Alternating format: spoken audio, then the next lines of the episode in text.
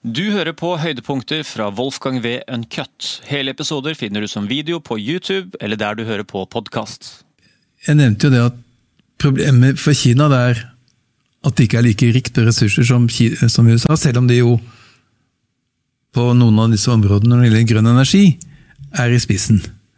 Eh, vindkraft f.eks. og sol, solkraft, eller solenergi er det jo veldig langt framme i. Eh, men kineserne har problemer som amerikanerne ikke har på veldig mange områder. For det første så er jo ikke Kina som stat så enhetlig som den amerikanske staten. Du har Xinjiang-provinsen, som jo er en gigantisk provins i utstrekning. Jeg tror den er større enn Frankrike og Tyskland. Hvor, hvor ligger det geografisk? Det ligger i nordvestdelen av Kina. altså... Mm. Eh, og du har problemet med Tibet, som jo er Kinas vanntårn, der alle de store elvene kommer fra. Mm. Uhyre strategisk viktig. Ingen av disse områdene er sterke nok i dag til å bryte ut av Kina, så klart. Og kineserne, så lenge Beijing eksisterer som et maktsentrum, vil de heller ikke tillate det. Men det er allikevel yremomenter som gjør at kineserne er nødt til å forholde seg til innenrikspolitiske problemer som utenverden kan utnytte på en helt annen måte enn det amerikanerne må. Men den Xinjiang-provinsen, står de også i kontrast til Stor-Kina som Tibet? På samme måte så er det egen historie, eget folk osv.? Ja, absolutt. Altså, ja. altså, forskjellen er at Xinjiang er ikke så strategisk viktig. Mm. I hvert fall ikke vært det. Ja, Det er jo i veldig stor grad et muslimsk område. Et, og det var et område som Kina formelt la under seg på et relativt sent tidspunkt. Under Yan-dynastiet, eh, vil vel de fleste si. Eh, selv om også Ming-dynastiet Ja, Yan-dynastiet vil vel de fleste si. Eh, og, og, og, sånn at Dette ble jo også umiddelbart et problem for kineserne, f.eks. med hensyn på denne belteveiprosjektet sitt, som jo alle har hørt om nå. Altså den nye Silkeveien, som jo kineserne skal bygge. Som de sier skal bringe Europa og Asia tettere sammen ved hjelp av jernbaner og hjelp av nye uh, transport, maritime transportruter. Mm. Men jernbanene vil jo da gå gjennom områder som er muslimsdominerte. Og hvordan skal man balansere et, en god relasjon til disse landene, som man er helt avhengig av en god relasjon til dersom prosjektet skal gjennomføres, og samtidig bekjempe hva de oppfatter som potensielle trusler fra muslimske terrorister i Xinjiang. Mm. Uhyre vanskelig balansepunkt, balansegang, og som begrenser kinesernes handlefrihet både internt og eksternt. Sånn at kinesernes statsdannelse og dens mangel på enhet, kan man si, eller dens den er klart den er en enhetlig statsdannelse, det men i forhold til USA så er den mindre enhetlig. Og Så er det da det jeg nevnte i sted, om at kineserne har uvenner. Um, både i øst og vest og uh, sør, hadde nær sagt. Mm. Selv om de nå for tiden har en slags samforstand med, med Russland. Men stort sett så, jo, så, vil jo deres naboland være svært skeptiske til kineserne. Til tross for at kineserne jo historisk sett ikke har vært spesielt imperialistiske. De har bare blitt erobret av andre, angrepet av andre. Mm. Mener, ingen ble jo hardere behandlet enn kineserne under annen verdenskrig av japanerne. Mm. Um, med, med, med, unntak av sånn allierte eller venner, skal vi si Nord-Korea, er det, er det en, på en måte en relevant faktor oppi her? De har vel et stort militære, men Jo, men forhold, det er jo ingenting i forhold til hva kineserne har. sånn at Det er en alliert som de må ha, så å si, av historiske grunner. Som kan plage Sør-Korea, da, hvis det skulle skje noe? Som kan plage Sør-Korea, men de kan jo like gjerne være en plagsom affære for Kina også. Hvordan håndtere de. sånn at Hvorvidt det er en styrke eller en svakhet, det vet ikke jeg, men jeg vil tro at i hvert fall i noen sammenhenger vil kineserne oppfatte det like mye som en, som et drawback.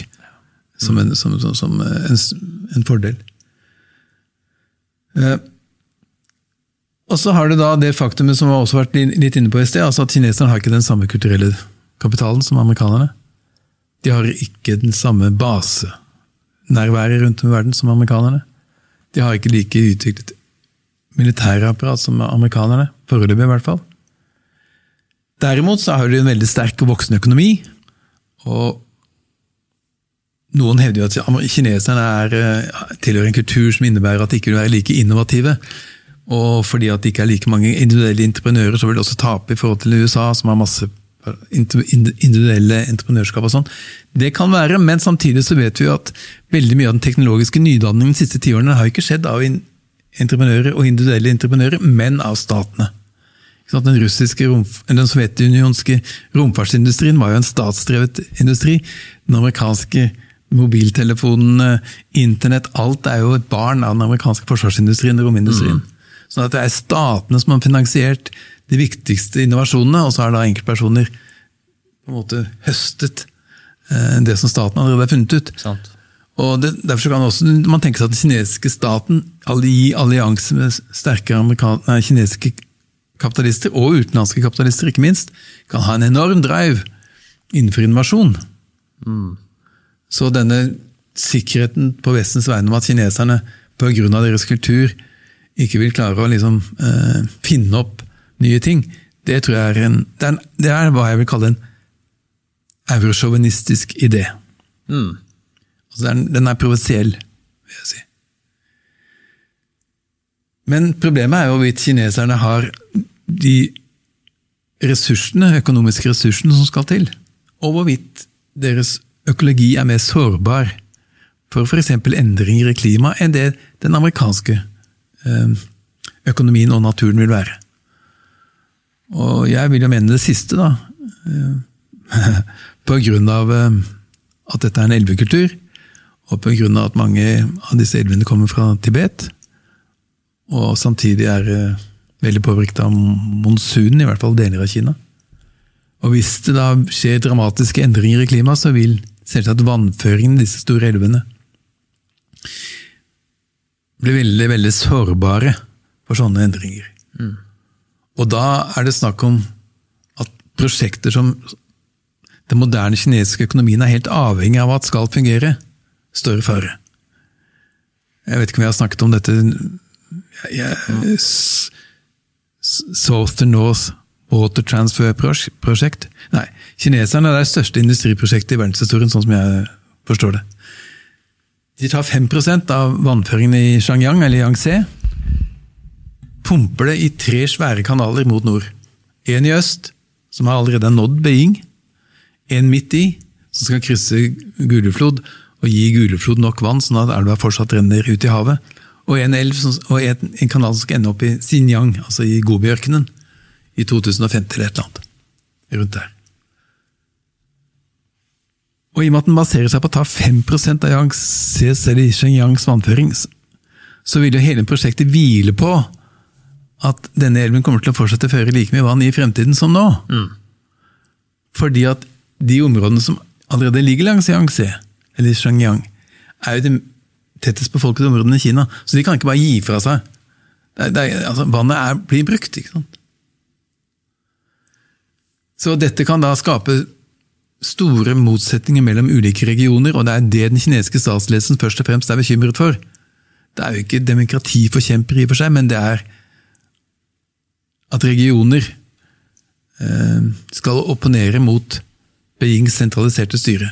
Mm. Dette har noe med hele den kinesiske statstradisjonen å gjøre.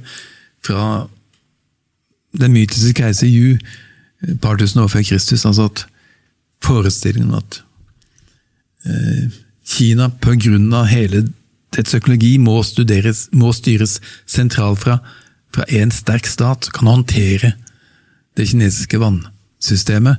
Og Derfor kaller jeg da også den kinesiske staten en vannflytterstat, for at den har drevet og flyttet vann hele tiden. Så det de gjør nå, er noe gammelt. Altså Det er kontinuitet.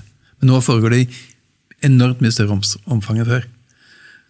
Men det gjør det også samfunnet mer sårbart. Mm. Så det er da en sårbarhet som tror jeg holder eh, kinesiske statsledere våkne om natten noen ganger, mens amerikanerne ikke har på samme måten. Så både sånn, si, naturmessig og et si, politisk regime, så, to sårbarheter der at uh, det er diktatur som også kan briste på et tidspunkt uh, i natur å være en diktatur? At, at ja, altså, Den kinesiske statsdansen har jo alltid vært avhengig av at folk tror at de har så å si, blitt gitt himmelens mandat. Det er jo historisk. ikke sant? Og de beviser at de har himmelens mandat i den utstrekning naturen er gavmild. Naturen fungerer sånn som naturen bør, Akkurat. for at bøndene skal få den vannet de trenger for å dyrke jorda si.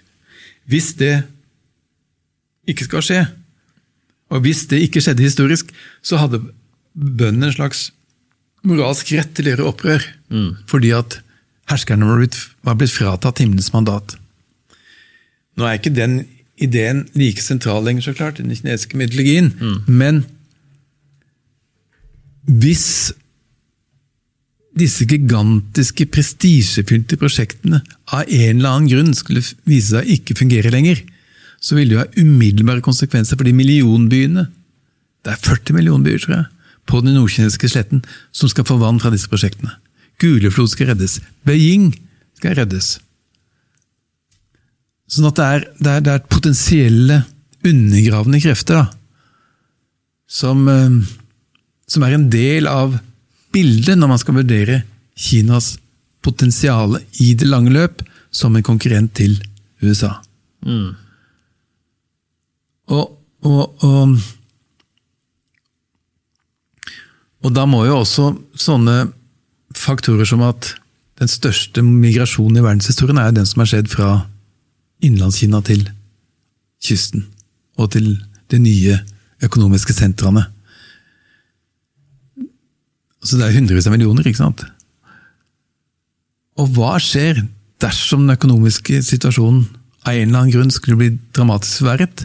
Da vil den kinesiske statsledelsen stå overfor et problem som ingen annen statsledelse på noe tidspunkt har stått overfor i historien, nemlig hundrevis av millioner, ofte enslige arbeidere. Og hva, som, som da vil være misfornøyd med så klart tingenes tilstand. Det er sånn de mister jobben osv. Det er derfor de har kommet hit. Mm. Hva skjer da? Altså, vil de da ha et kontrollsystem som kan holde alle disse millionene på plass? Igjen, et særtrekk ved Kina som USA ikke har i samme grad. For at USA har masse erfaring i å håndtere sånne krisesituasjoner. Mm. Mens det har ikke kineserne. Sånn at mitt poeng er bare at man skal være, man skal være tilbakeholdne med å trekke dramatiske konsekvenser om at det amerikanske imperiets epoke er over. Og man skal også være tilbakeholdne med å øh, si at den fenomenale økonomiske utviklingen som Kina har hatt siden 1990-tallet, at den vil fortsette inn i evigheten, og at USA dermed snart vil bli en annenrangs økonomisk makt vis-à-vis Kina. Det tror jeg er øh, Jeg tror det er en måte å tenke på som er mer påvirket av USAs og Vestens behov, kanskje, for å få, ha en eller annen slags eh, fiende. Mm. Eh, for å mobilisere enhet, eh, handlekraft osv. osv. Fordi at per dags dato, som sagt, så eh, representerer jo ikke Kina noen militær trussel mot noen, bortsett fra kanskje Taiwan. Som jo da verdenssamfunnet på et eller annet tidspunkt var enig i at var kinesisk territorium. Sånn at eh, der er jo så klart kineserne har legitime sikkerhetsinteresser i dette området, som man selvsagt kan være uenig i at de implementerer i praksis. Og det er ingenting som tilsier at kineserne vil prøve å angripe Taiwan. Eh, det ville være absolutt stupid på det nåværende tidspunkt. Mm. Vil jeg tro. Fordi at Hva vil de vinne på det? Økonomisk, politisk, militærstrategisk. Det er jo øh, overraskende sterke militært, eh, Taiwan. Ja, det er det også. Og Pluss at USA og det Biden har jo nå på nytt lovt dem mm. støtte. Ja. Så Kina vil jo da vite at hvis de går mot Taiwan, så vil de antageligvis da eh, møte motstand, ikke bare fra USA, men også fra andre USAs allierte, eller venner i Asia. Men eh, Hongkong er vel også, også hans spørsmål her er jo er ikke Enda det et blitt, av disse problemene som kineserne har. ja, Men er ikke sånn at Hongkong er blitt blir bare mer og mer kinesisk? Du mener mer og mer knyttet til det kinesiske regimet? Eller til eh, Ja, fastlandskina? ja, jeg er ikke så inne, men som jeg liksom har skjønt at liksom Hongkong mister liksom, skal vi si, sin selvstendighet mer og mer gradvis. Stemmer det? Det tror jeg nok stemmer. Og det er jo i tråd med hva som var forventet, egentlig, fordi Hongkong var jo en britisk koloni som britene fikk etter det mest ydmykende nederlaget som kineserne noensinne har hatt. Eller i hvert fall Vi har to særlig ja, det var Et av de virkelig ydmykende nederlagene det var jo det de fikk i den såkalte opiumskrigen, ikke sant? da britene tvang opium på kineserne. Mens kineserne likevel måtte betale britene masse penger som krigserstatning. Og britene fikk da også Hongkong som koloni. Sånn at eh, det er jo ikke så urimelig, hvis man ser det fra kinesernes synspunkt, at de tenker at Hongkong kan bli en del av Kina i det lange løp. I og med at det jo en gang var det, helt inntil at britene stjal det. Mm. I hva de da oppfatter som et uhyre mørkt tidspunkt i Kinas historie. Dette betyr selvsagt ikke at jeg mener at kineserne opptrer legitimt eller rettferdig. Eller, det, er ikke, det, er ikke, det, er ikke, det er ikke en sånn diskusjon vi nå har. Men hvis man skal prøve å se det fra kinesernes synspunkt, så, så, så er det helt naturlig at de tenker seg at Hongkong, med alt hva Hongkong har av finansielle institusjoner og finansielle muskler og sånn, at det skal være en del av Kina, er jo naturlig at kommunistpartiet tenker. Men hva, hva hva skiller Hongkong og Taiwan sånn historisk i forhold til Kina? Taiwan var jo aldri en koloni. Uh, Taiwan skilte seg jo altså Dette har sammenheng med uh, Ja, akkurat når man skal si at denne prosessen startet, det er litt vanskelig å si, men la oss si at det kan slutte ved kinesisk revolusjon av 1949.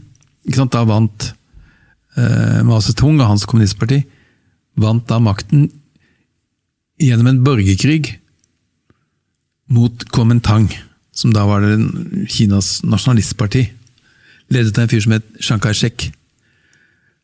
De hadde da også samtidig vært i allianse i krigen mot Japan, at Japan invaderte Kina. ikke sant?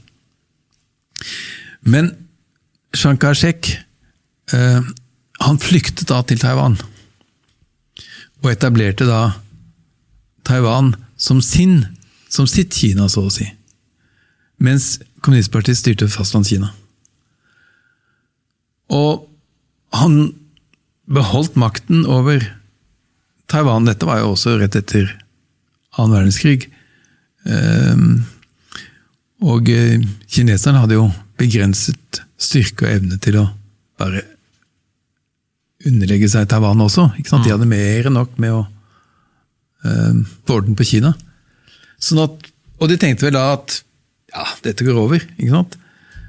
Sånn at eh, nei, Taiwan var aldri en del av eh, et europeisk eh, kolonistyre. Ble altså styrt av Chiang Kai-shek, av det Kuomintang, av det kinesiske nasjonalistpartiet, som det vel blir kalt.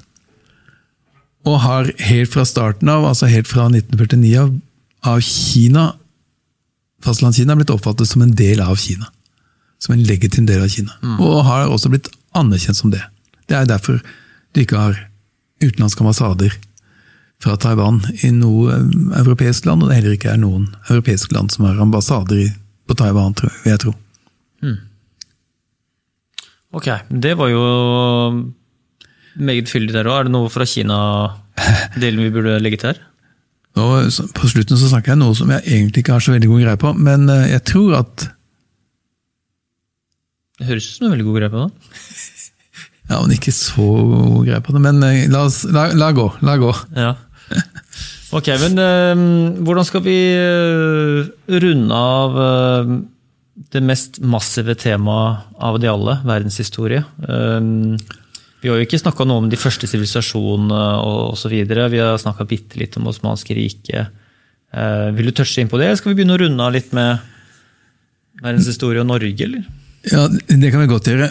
Det du ikke nevnte det hele tatt, er at vi ikke har snakket noe om verken det europeiske og britiske kolonisystemet, Og heller ikke, og det er jo det som er på en måte mitt Hvis jeg har et hovedbidrag til forståelsen av verdenshistorien, som er basert på egen forskning, så er det det at jeg har en uh, ny fortolkning av den industrielle revolusjonen. Og hvorfor England vant, og ikke Kina. Mm. Og ikke uh, Japan, eller ikke Frankrike, ikke Spania. Men det kan vi sette en parentes rundt. Jeg kommer med en Hvis du har lyst, så har du lov. Nei, jo, jeg har lyst så klart, men jeg føler at det ikke er lov. Nei da. du føler at du ikke har lov? Nei da. Vi gidder ikke det nå. Ok, Men uh, da kan vi ha det gode. Ja. ja. For det er også en viktig del av uh, boka, åpenbart. Uh, ja, jeg syns det.